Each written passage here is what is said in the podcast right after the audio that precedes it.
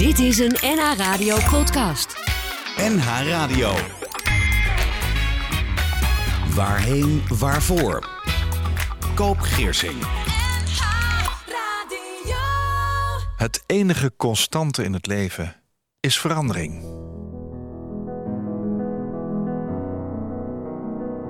Dit is NH Radio met Waarheen Waarvoor. Ik ben Koop Geersing. Fijn dat je luistert, waar dan ook. En ook in deze aflevering spreek ik met een gast over leven en dood.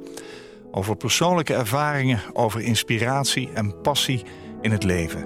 En welke drie liedjes worden gespeeld tijdens zijn, in dit geval eigen uitvaart. En waarom die? Mijn gast was zes jaar toen zijn moeder borstkanker kreeg, dat in uitgezaaide vorm weer terugkwam toen hij 16 jaar oud was. En volledig uit het niets overleed drie jaar later zijn vader. Zijn moeder is uiteindelijk overleden aan die uitgezaaide borstkanker toen hij 25 jaar was. Hij kent dus de betekenis van verlies. Mijn gast heeft nu een eigen coachpraktijk in Amsterdam, waar hij jongeren en jongvolwassenen coacht met speciale aandacht voor rouw, verlies en tegenslag. Remco Groenewegen, welkom. Dankjewel. Dankjewel. Je coacht en dan tussen haakjes met speciale aandacht voor rouw, verlies en tegenslag. Wat doe je nog meer in je coachpraktijk? Klopt, klopt. Waar ik achter ben gekomen de laatste tijd is dat rouw echt veel breder is dan het verlies van een persoon. Hoe bedoel je? Nou, dus rouw kan ook zijn als je bijvoorbeeld heel ziek wordt. Uh, dan rouw je om dat je gezondheid niet meer hebt.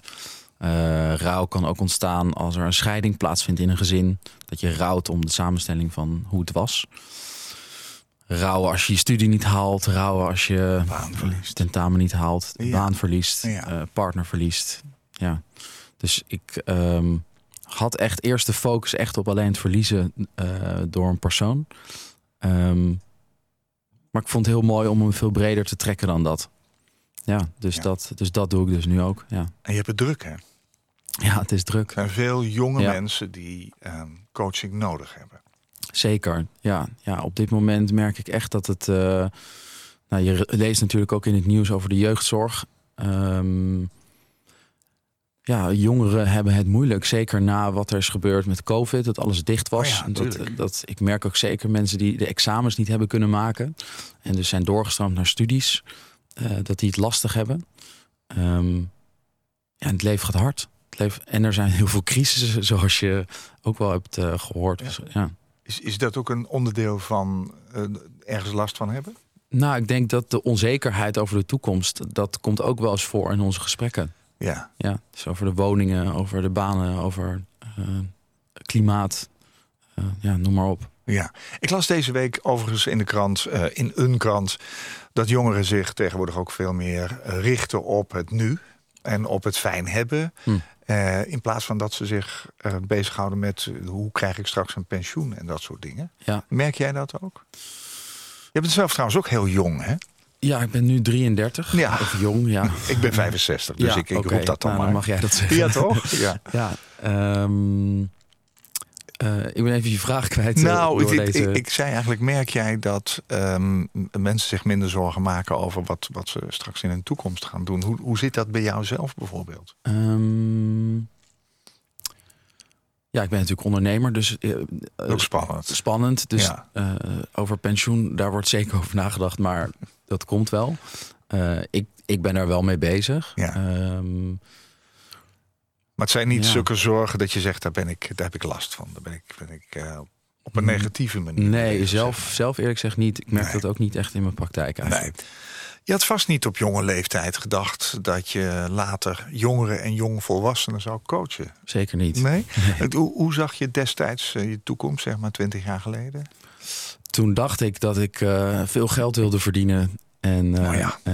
rijk wilde worden en een groot huis wilde. En, Waar kwam dat vandaan? Ja, ik ben, ik ben opgegroeid in een omgeving waar dat was. Waar er heel veel geld is en was. dus ik dacht dat dat geluk was. Oh ja. Dus ik streefde dat dan ook na. En ook vrienden. En we hadden het. Ja, het ging veel over carrière maken. En ja. studie en vervolgstappen. En uh, ja, als dan ineens uh, uh, zo'n groot verlies optreedt in een gezin. Je dan, vader en je moeder Je vader en je moeder. ja. Mijn vader en mijn moeder. Dan, ja, dan draait het wel even 180 graden. Ja, Zou je kunnen zeggen dat het coachen wat je nu doet... een lijntje heeft met wat je meegemaakt hebt? ja zeker. ja, ja, 100 procent. Ehm, Hoe is dat gegaan? nou, ik merkte zeker na het overlijden van mijn vader, want dat was plotseling. Die was er in Eh, één keer niet meer. Die was er ineens, eens niet meer. Ik, ik, ehm, dat was ook echt heel heftig, dat moment. Ehm, ja, ik, ik, ik wist gewoon niet meer waar, waar ik het moest zoeken. Eh, en ik merkte gewoon dat er heel veel mensen in mijn omgeving ook eigenlijk nog nooit iemand verloren waren. Eh, dus ik heb me best wel alleen gevoeld op dat stuk. Ehm, en uiteindelijk leek het mij dus jaren later eh, hartstikke mooi om, om die rol te mogen vervullen voor andere mensen. Om, om er te zijn, iemand die mm, enigszins begrijpt waar je zit, Ja. hoe het is om iemand te verliezen. Ja, Ehm, ja, dus vanuit die beweging ben ik gestart met mijn coachpraktijk. ja. Ja, dat is wel eigenlijk vanuit ervaringsdeskundigheid. eh, en later ook, eh, eh, ook echt mijn professie ervan gemaakt met veel opleidingen en ja, een stevige basis om, om dit werk te kunnen doen. ja. Maar vroeger dacht je, ik wil graag veel geld verdienen. Ja. Want dan komt het geluk misschien wel vanzelf. Hè? Ja, Dan zijn dingen wat makkelijker. ja. Uit wat voor gezin kwam je? Jullie woonden toen in Wassenaar. ja, we wonen in Wassenaar. Ehm, wij kwamen niet uit een gezin met een heel groot huis. We woonden gewoon in een rijtjeshuis. Hebben altijd ook gewoon zelf moeten werken voor mijn geld. En eh, thuis hadden we het niet erg breed. En dat Nee. was ook na het overlijden van mijn vader. eh, kwam dat ook wel echt naar voren. Dat het niet eh, helemaal goed liep. Nee. Maar dus vader en moeder, jij had je broer en zus? ja, ik had een zus. Of ik heb een zus. Oudere zus? Of, Oudere zus, Oh, ja. ja. ja, Ehm, dus dat is echt wel heel fijn. Ook zeker nu mijn ouders er niet zijn. Ja, we hebben echt een megaband. Dat Ja. is echt. eh, Ja. Dat was ook altijd mijn moeders wens. Eh, op het laatst zei ze dat altijd. Ik hoop dat jullie elkaar blijven vasthouden. Nou, dat kan ik wel zeggen dat dat is gebeurd. Die wens, die voer je uit. Ja, die wens die voeren, die voeren we samen uit. Ja, zeker. Ja, zeker. ja. Oké, dus dat was het gezin. Eh, Welke studie wilde je gaan volgen? Heb je daar toen... Ja, dus daar heb ik eigenlijk ook destijds. ik, ik hou heel, heel erg veel van sporten. Eh, sporten altijd heel veel. Tennis, voetbal, krav Oh ja. maga, vechtsporten. Eh, en toen dacht ik, nou, economie. Want daar word je dus blijkbaar eh, rijk in, dacht ik. Dus toen ben ik sportmarketing en management gaan doen. eh, op de hogeschool. En ja, op een gegeven moment toen overleed mijn vader in de zomervakantie van het eerste jaar. En, en, en toen realiseerde ik me eigenlijk van, wat ben ik eigenlijk aan het doen? Wat ben ik eigenlijk aan het studeren? Ehm, Ben je gestopt ook? Nee, nee. En daar ben ik heel blij, eh, blij mee dat ik dat niet ben, eh, ben gaan doen. Eh, de kans was heel groot, want ik dacht, ik zag eigenlijk nergens meer het nut van in. Dus ook niet van een studie. Maar toen heb ik echt wel echt een hele liefdevolle mensen ook op de, op de hogeschool gehad qua begeleiding. En die, die zeiden, waarom hou je niet gewoon je propenduis? En dan kijken we dan weer verder. Dus dan kan je een rustig jaar tegemoet gaan. Ehm, en dan kijken we daarna wel weer. Werd het een rustig jaar?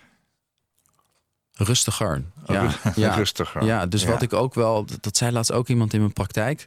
Ehm, door het jaar heen verzamel je toch kleine kruimeltjes... waarmee je doorgaat met het leven. En dat is moeilijk. Eh, maar toch, toch het, het, het blijven doorgaan met tentamens... en toch nog eh, leuke dingen blijven doen. Ja. Zoek je houvast, denk ik, of niet? Dat is dan houvast. En Oh, toen, zei, toen zei hij ook, zei hij, ehm, en uiteindelijk een jaar of twee jaar later zijn die kruimels zijn weer een koekje geworden. Een hele Oh, koek. ja.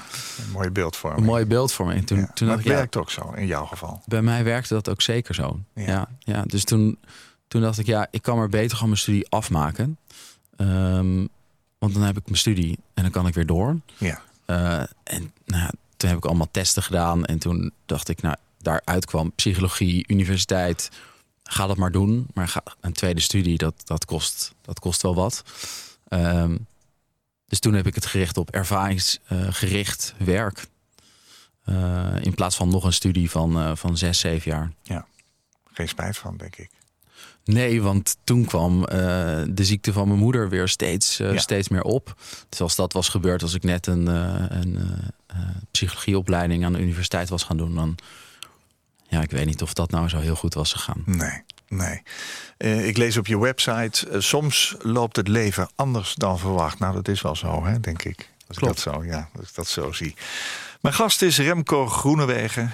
Hij heeft een eigen coachpraktijk waar hij jongeren en jongvolwassenen coacht met speciale aandacht voor rouw, verlies en tegenslag. En over verlies zegt Remco dat het een moeilijk thema is, terwijl een leven zonder verlies onmogelijk is. Een manier om je te verhouden met verlies, rouw en tegenslag is dus een goede eerste stap.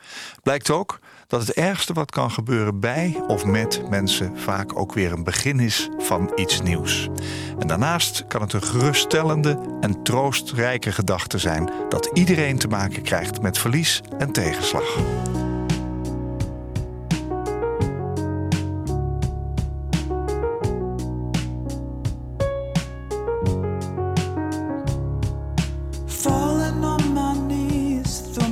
Head back as I land among the pages. I'm a blank for those who read me. I'm a song for all the ages. Unrequited love's my favorite, gets me dancing on the stages. But only ever thinking of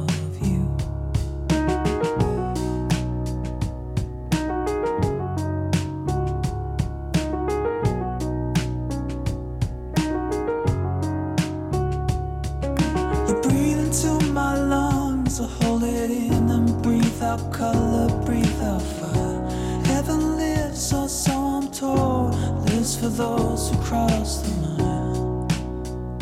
But I am only ever too late, and silence is the perfect sound.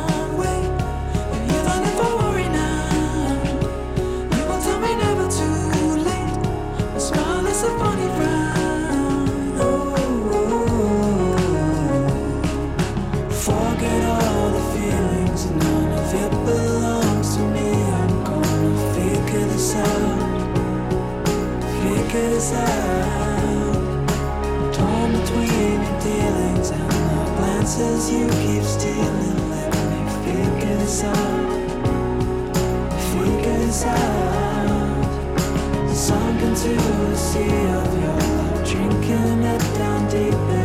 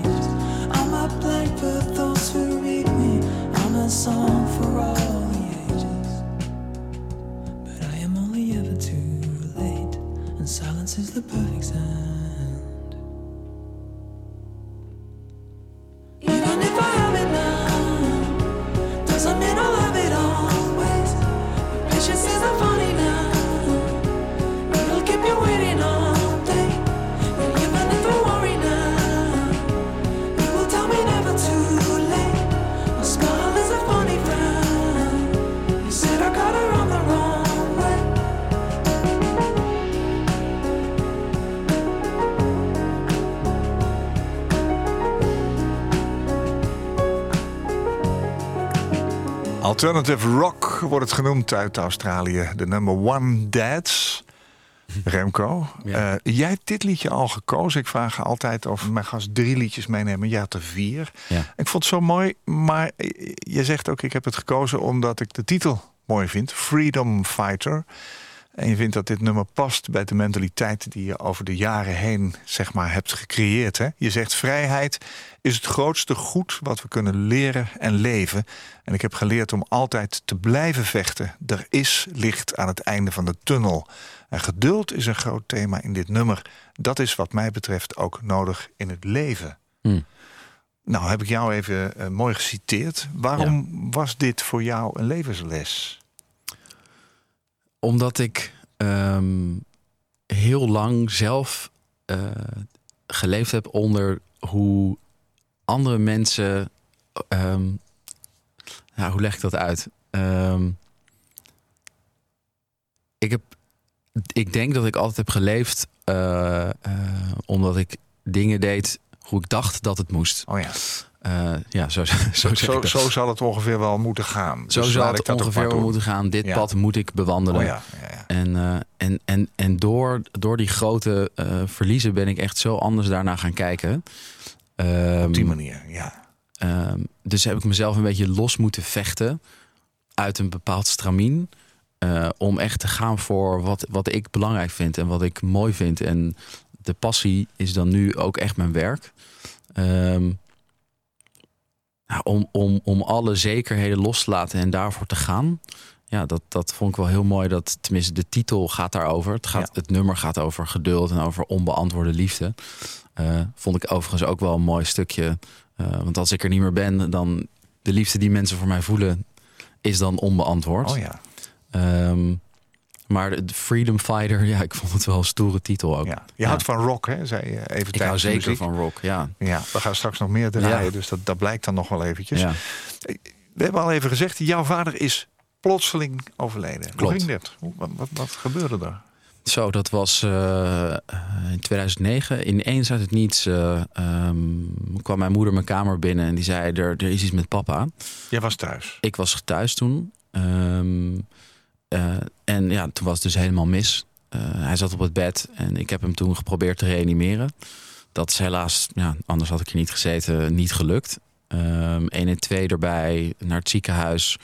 Ehm, maar dus echt ineens uit het niets eh, eh, was hij er niet meer.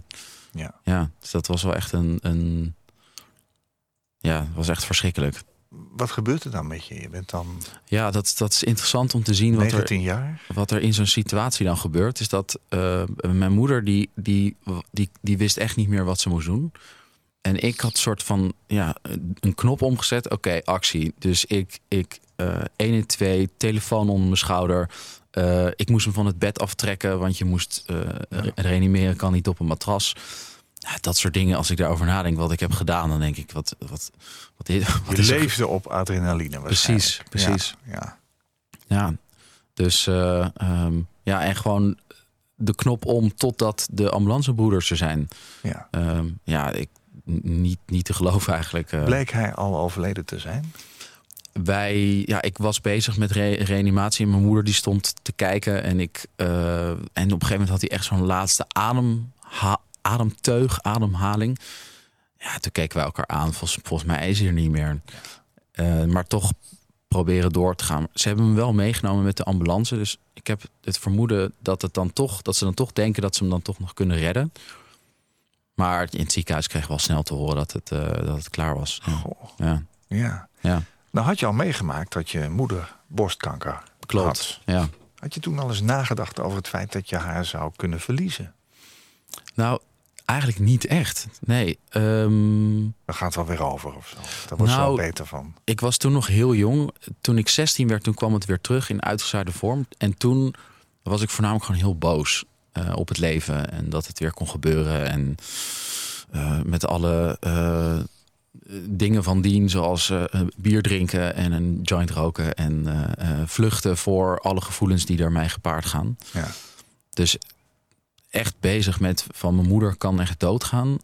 Eh, ja, ik denk dat ik er onbewust wel mee bezig ben geweest, maar voor een beetje op de lange baan heb geschoven, denk ik, destijds. Ja. Ja, En toen was je 16. ja, ik wilde er gewoon niet aan. Nee, wilde was gewoon- dat een periode? Ik bedoel, ging die ook weer voorbij? Of, of, eh, Mm, en hoe bedoel je dat? Nou ja, omdat je zei, ik was heel erg boos. Ja. Ik deed allerlei dingen, ging, ging dat weer over? Of ben je dat heel lang geweest? Ehm, ik heb best wel lang in een fase gezeten dat ik, dat ik niet praatte met mensen hierover. En dat ik eh, door de buitenwereld werd gezien als een hele vrolijke gast die alleen maar grapjes maakt. Oh ja. Ehm, en die de het leukste thuis. Maar ja, dat verschil tussen extern en intern was was, een masker natuurlijk. zo groot. Zo Ja. groot. Ehm, dus die boosheid is er altijd wel geweest, maar dan intern, dus niet echt naar buiten. Misschien meer naar mezelf. Hm. Ja, nou, uiteindelijk eh, duurde het echt nog wel even totdat mijn moeder overleed. Dus dat, dat is eh, negen jaar. En in de tussentijd overleed mijn vader natuurlijk. Dus ja, er is zoveel gebeurd dat, dat die boosheid ook weer omging in verdriet en in rouw en in ja, Ja. Je hebt het toen ook moeilijk gehad, hè? na het overlijden van alles. ja, Nou, in ieder geval na het overlijden van je vader. Op een zo. gegeven moment Ja. ben je ook wel naar je moeder gegaan en zei van... ik zie het niet meer zitten. Klopt. Begrijp ik. Ja, dat was wel echt het. eh, ja, ik denk wel het dieptepunt van, eh, van alles. Dat. Ja, mijn moeder die kwam echt, echt bij me op bed zitten en die zei van ik, ik wil je zo graag helpen. Wat is er aan de hand? Eh, wat kunnen we doen? Eh, toen heb ik haar wel eerlijk gezegd van ja, ik, ik, ik, ik wil dit niet meer. Gewoon, ik ben zo lang, zo down, zo verdrietig. Ehm, ik, ik wil naar papa toe.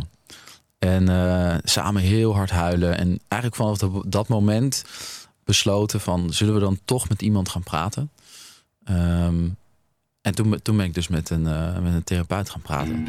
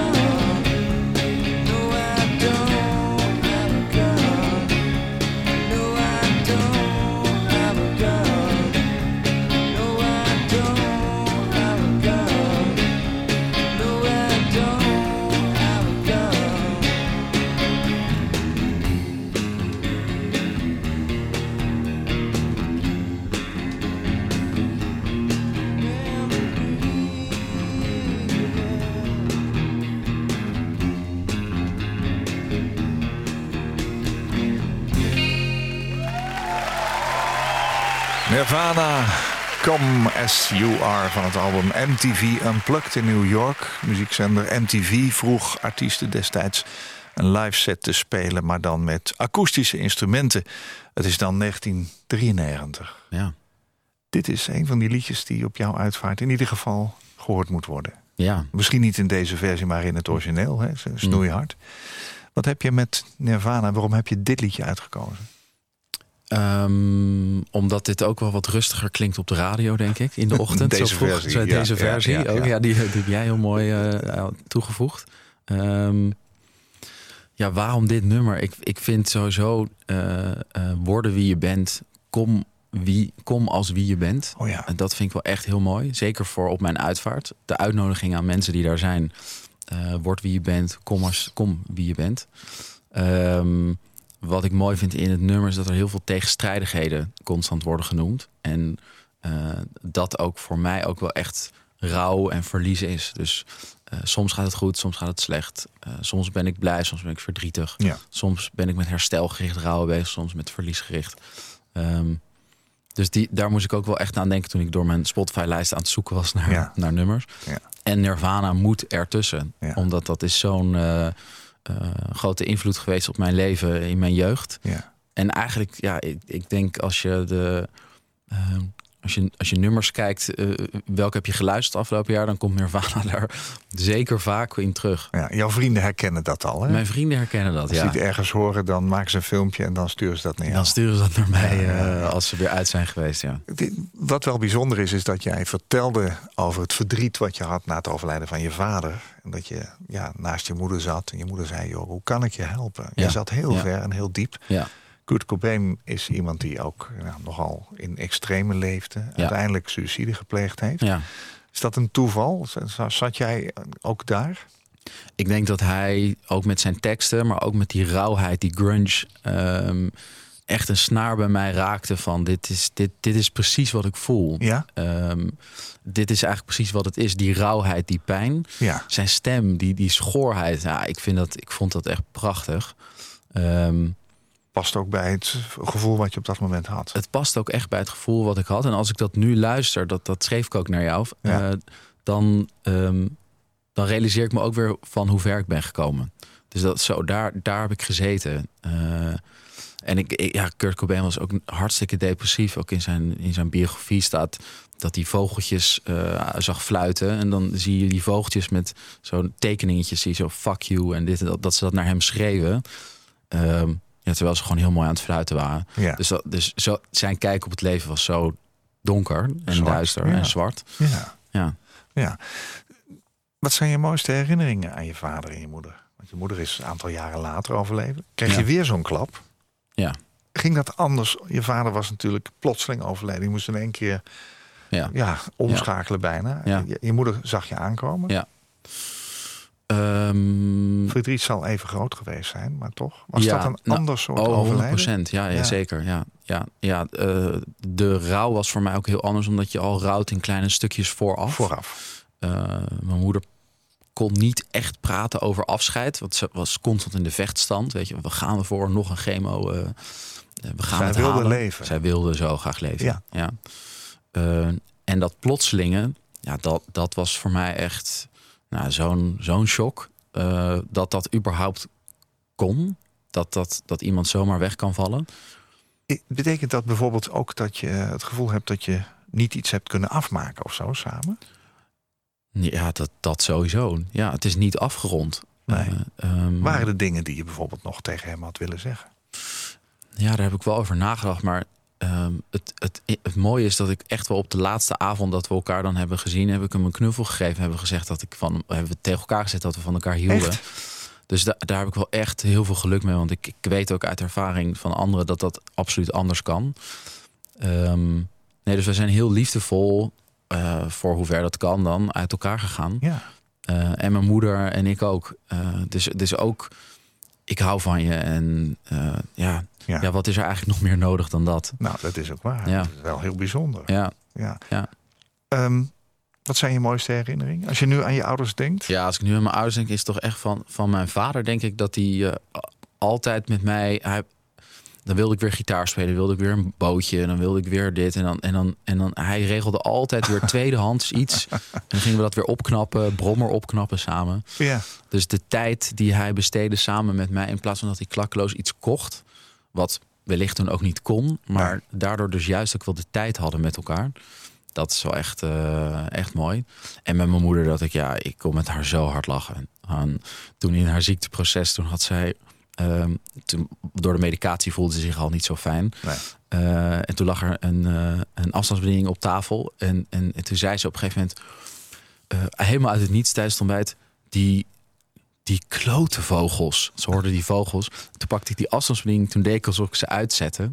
En toen stopte de vogels na. Toen, dat, als ik daaraan denk, dat, Dat moest ook zo zijn. dat moest ook zo zijn. Ja. Ja. maar dat kon ze dus ook terwijl ze zo ziek was. 100 procent. Ja. Ja. Ook door de lieve mensen, familie en, en haar beste vriendinnen om haar heen. Ja, die hebben tot op het laatste moment met haar echt ja, bijna in het broek geplast van het lachen. Oh ja. Ja, fantastisch. Oh, heerlijk als je Ja. daaraan kan denken. Ja. Is jouw relatie met je moeder veranderd sinds het overlijden van je vader? Ja, wel echt intenser eh, geworden. En ook wel, ik voel me heel verantwoordelijk dat ik er voor haar moest zijn. En ze was natuurlijk ziek, dus Je had nog een oudere zus. had nog een oudere zus. Die was er natuurlijk ook. Ja, ja, ik ben toen verhuisd naar Amsterdam en zij bleef het dan in Wassenaar. Ehm, Jij, jij was 25 geweest. Toen zij overleed was jij 25. toen was hè? ik 25 Ja, dus jaar. het, was, het was die periode. Daarvoor. Ja. Toen, eh, maar toen, toen eh, ja, echt wel hele eh, bizarre mantelzorg ook voor haar. Ehm, in combinatie met thuiszorg en heel Ja. veel familie en vrienden. Ja. Ehm, ja, Je zegt, ik miste iemand in mijn omgeving die mij begreep. klopt. Hoe ben je die gaan opzoeken? Ja, dus door op een gegeven moment te leren om mezelf kwetsbaar op te stellen. En te leren om te gaan praten. Heeft je Eh, moeder daar een rol in gespeeld? Zeker weten. Ja? Ja. Heeft ze je geduwd? Of heeft Nou, ze- we hebben samen geconcludeerd dat het niet meer kon. Nee. Anders. Jij Dus bent ook niet zo'n prater, begrijp ik? Absoluut niet. Nee. Nee. Nee. Nee, nee, nee. Dus ik begrijp heel goed dat mensen dat ook niet doen. Nee. Eh, maar ik begrijp ook heel goed dat het heel belangrijk is om het te doen. Ja. Ehm, vooral ook om die herinneringen levend te houden. Wie Eh, heb je gevonden uiteindelijk? Ja, Of wat voor iemand? Heel veel bijzondere gesprekken. Iemand op mijn werk bijvoorbeeld. Of een vriendinnetje van mijn huidige vrouw. Ehm, ehm, destijds. En eh, ook iemand eh, uit, uit, uit Wassenaar. Ja, op een gegeven moment die klik die je dan voelt met iemand. En je hoeft elkaar alleen maar aan te kijken. En je zo, holy shit, heb jij dat ook? Oh, dus dat is niet raar. Of, oh, jij hebt ook concentratieverlies. Oh, je bent ook zo boos. Oh, je, je, je kan de ene dag alles doen en de andere dag lig je op bed. En oh, dat heb ik ook, weet je wel. En dat, Het waren ook lotgenoten. dat waren lotgenoten. En toen dacht ik zo, wat een, kracht zit, zit er in ehm, mensen ontmoeten die, die dat begrijpen. Die begrijpen dat je elke dag ermee bezig bent. Ja. Eh, zeker in het begin. Kwam je toen uit dat dal? Ja, omdat ik toen me niet meer zo alleen voelde. Toen realiseerde ik me dat dat niet meer. eh, dat, dat ik. Dat ik eh, je- voelt je alleen, maar je bent niet alleen. Ja. En eh, dat is nu het mooie van deze tijd. Je hebt zoveel mensen die boeken hebben geschreven, die podcast ook.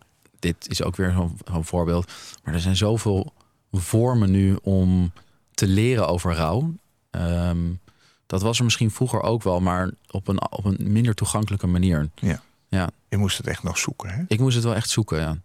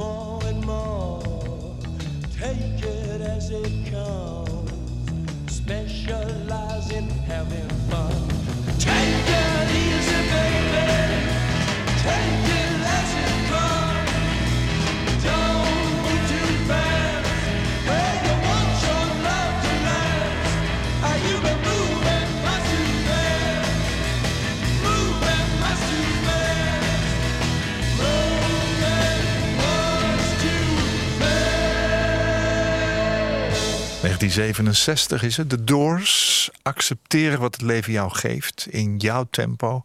Take it as it comes.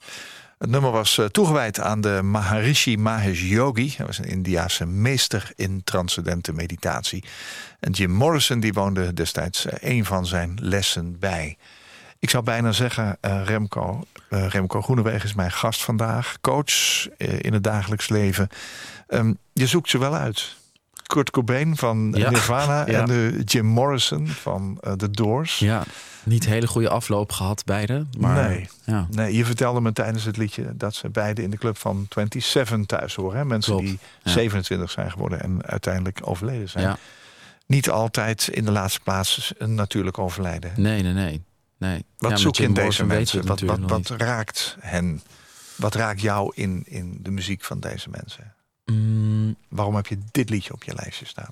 nou ja, take it as it comes Ja. heb ik wel echt geleerd eh, in het leven. Ja. Van, je, je- kan niet anders dan take it as it comes. Nee. We kunnen gaan plannen, we kunnen alles vooruitkijken. Maar ja, er zijn ook dingen gebeurd die ik niet had kunnen voorzien. Eh, nee. Dus ehm, ehm, ja, ook hoe die begint. It's time to lie. It- it's time to live. It's time to lie. It's time to die. Toen dacht ik, ja, dit is, er is overal een tijd voor. Dus er is ook een tijd om, om dood te gaan. Ja. Ehm, dus ik vind, ik vind ja, nadenken over de dood, eh, gedenk te sterven, dat vind ik ook altijd zo mooi. Om, om die af en toe een klein beetje in je achterhoofd te houden. Ja. Eh, om ook het leven weer op waarde te schatten. Ehm, Als er een tijd is om dood te gaan, dan is jouw vader dus op zijn tijd gegaan, zou je kunnen zeggen. Ben, ben je daar nog steeds boos zeggen. over? Of, of- Mm, ik vind het vooral jammer ja, eh, dat hij er veel langer willen hebben. Ja, boos niet meer. Nee. Nee, dit is gewoon hoe het is. Ja. Eh, en ja, ik kan er echt niks meer aan veranderen. Nee, dat begrijp ik ook. De Doors eh, stond ook op jouw lijstje met liedjes. Zeker. Bijzondere keuzes. Eh, die ook een klein beetje iets over jou vertellen. Hm. Natuurlijk, hè, zou je kunnen zeggen. Je hebt al verteld, ik was niet zo'n prater, hè, dat zei je. Toch heb je hulp gezocht. Dat is natuurlijk heel sterk, want dat betekent dat je begonnen bent Ja. aan het herstel, denk ik altijd dan maar. Ja. Waarom ben jij in therapie gegaan en hoe heeft dat jou geholpen? Nou waar we het dus net kort over hadden, is dat ik echt op een punt zat dat ik echt vast zat. Ehm, en om het een kans te geven om met iemand te praten. Ja. Ehm, wat ik zo bijzonder vond aan, eh, aan therapie, is dat je, je gaat in gesprek met iemand. ehm, je lucht echt je hart. Je krijgt mooie inzichten en je kan de deur achter je dicht trekken. Ja, En je doet net alsof eh, er niks aan de hand is. Eh, Of je doet net alsof er niks aan de hand is. Je kan weer door met het leven en er is niks veranderd. Ja. Dus je, je, kan, je kan bij iemand, zonder dat je je schuldig voelt dat je de tijd neemt, kun je echt heel erg de tijd nemen. ja. Had jij het gevoel bij zeg maar, de therapeut dat het een lotgenoot was? Dat hij echt begreep wat jij vertelde?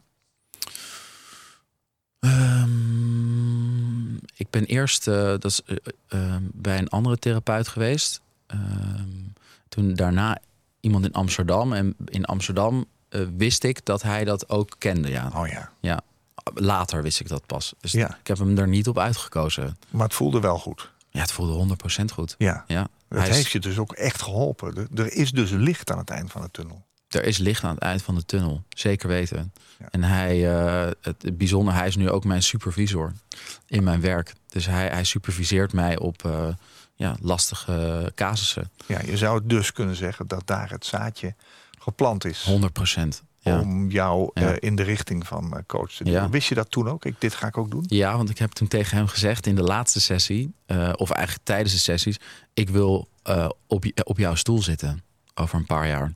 En toen is hij dus later bij mij teruggekomen. En toen zei hij van, hoe zou je het vinden om onder mijn vleugel mee te vliegen en dat ik je de fijne kneepjes leer van het vak. Een mooie En, beeldspraak. Ja, ja, dus en toen- ja, een groter compliment kon ik eigenlijk niet krijgen. En Nee. die band is nog steeds. Dus dat is, ja, onschatbare waarde. Ja. Jij Ja. bent ook opleidingen gaan volgen. Klopt. Wat heb je gedaan? Ik heb eh, opleiding gevolgd in acceptance en commitment therapy. Dus het is een, ja, een ehm, ehm, ACT. Ja, po- ACT, positieve, positieve psychologie. Ehm, ik, heb wat opleiding, ik heb een opleiding gedaan in familieopstellingen. En ik ben nu ook weer bezig met een driejarige opleiding Ja. eh, in, eh, in eh, Utrecht tot therapeut. Dat helpt jou waarschijnlijk in je werk en je professionaliteit. Klopt, ja, ja. En welk gedeelte van jezelf eh, zit in je werk? Ja, ik denk wel alles, ja. Ja, dus je, je geeft echt wel alles van jezelf. Ja. Of een, in ieder geval echt een stuk van jezelf. Ehm, ik denk dat ik zeker deel geef dat ik heel erg begrijp dat iemand heel erg vast kan zitten. Ehm, en dat ik ook begrijp dat je er ook weer uit kan komen. Ja. Dus ehm, ehm, ja, ik vind het best een moeilijke vraag. Wat geef je echt va- van jezelf? Nee, maar ik snap het. Ergens eh, doe je eh, professionele opleidingen om bepaalde dingen op zijn plek te zetten. Ja, Maar tegelijkertijd, vanuit je hart moet je dat coachingswerk natuurlijk kunnen doen. precies. Precies. Ik zit mezelf nu bijvoorbeeld hardop af te vragen. Stel dat ik ook eh, coach zou willen worden, maar ik heb dat allemaal niet meegemaakt. Dan zou ik dat professionele stukje in Ja. praktijk kunnen brengen. Maar zou ik dan niet iets missen bijvoorbeeld? Ja, ik denk ook Weet ik wel. niet, hoor. Ja, ik weet het niet. Ik denk dat Nee. ook heel veel goede psychologen, therapeuten, coaches zijn die, die, die niet ervaringsdeskundig Nee. zijn op bepaalde vlakken. Nee. Maar ik zie in mijn werk wel, eh, of wat ik doe, wel echt meerwaarde. Ja. En ik krijg dat ook wel echt terug van mensen. Helpt het jou zelf ook nog? In Ehm. hoe jij omgaat met de dood van je vader en je moeder? Nog steeds misschien, met terugwerkende kracht. In de begeleiding met Bijvoorbeeld, mensen. je hoort een verhaal. Het, sterkt dat jou? Of, Nou, ik, ik zie wel heel veel veerkracht steeds Ja? bij mensen. oh ja, Eh, die heb je zelf ook, hè? Die heb ik zelf ook. Daar ben ik zelf wel achter gekomen, ja. Ja. Ehm, nou, het, het, het helpt mij ook nog steeds in het stuk van... jeetje, wat zijn er veel mensen die hier tegenaan lopen. Ja. Wat zijn er veel mensen die jong zijn en iemand verliezen. Ja. Ehm, ja, nogmaals, ik, echt die veerkracht van mensen om er bovenop te kabbelen elke keer weer. ja. En dus niet het, het verlies te verwerken, maar om het te verweven. Dus om, om het met je mee te dragen Ja. eh, in je leven. En herinneringen levend te houden. In plaats van dat iemand dood is en dan praten we er niet meer over. Ja, dat mensen dat elke keer, keer op keer weer kunnen. Ja. En zichzelf weer overeind kunnen. Want uiteindelijk moet je het zelf doen. Ja, dat vind ik toch echt heel cool om, eh, om, om te zien. Zou je kunnen zeggen dat als ik in die situatie zit... dan mag ik ook tegen mezelf zeggen... ik ben heel veerkrachtig? Ja, ja. Ja, dat, dat zou ik je wel kunnen zeggen, ja. Ja. Ja, iedereen heeft dat in zich. En ze, ehm, heel veel mensen zeiden ook tegen mij: Oh, ik zou niet weten wat ik zou moeten doen in zo'n situatie. Of ik weet niet of ik dat zou kunnen. Maar- Ja, ik dacht precies hetzelfde. Maar op het moment dat het gebeurt, dan moet je. Ja. Dus je moet wel dealen met de dingen die op je pad komen. Ja. Dus je leert wel veerkrachtig zijn. En natuurlijk Ja. kan je een tijd echt helemaal uit het veld geslagen zijn. Je hebt ook geduld nodig, denk ik. Ja, precies. Dus Ja. weer, in een van jouw? Ja, liedjes het eerste ook, hè? nummer, ja. ja. Ja, zeker. Nou, laten we dan de derde van jouw lijst, eigenlijk de vierde... eh, van liedjes die je meeneemt Ja. naar jouw uitvaart. Want dat is een hele andere, van een hele andere soort, hè? Ja, Waar denk, gaan we naar luisteren? ik denk dat hoort ook wel eh, op een uitvaart. eh, een beetje klassieke muziek. Oké, waar heb je voor gekozen? Het is van de film Hope Gap. Eh, en het gaat over een jongeman die eh, tussen zijn ouders bemiddelt. En op een gegeven moment voor zijn eigen weg gaat. En dit nummer is het afsluitende nummer met een ontzettend mooi gedicht.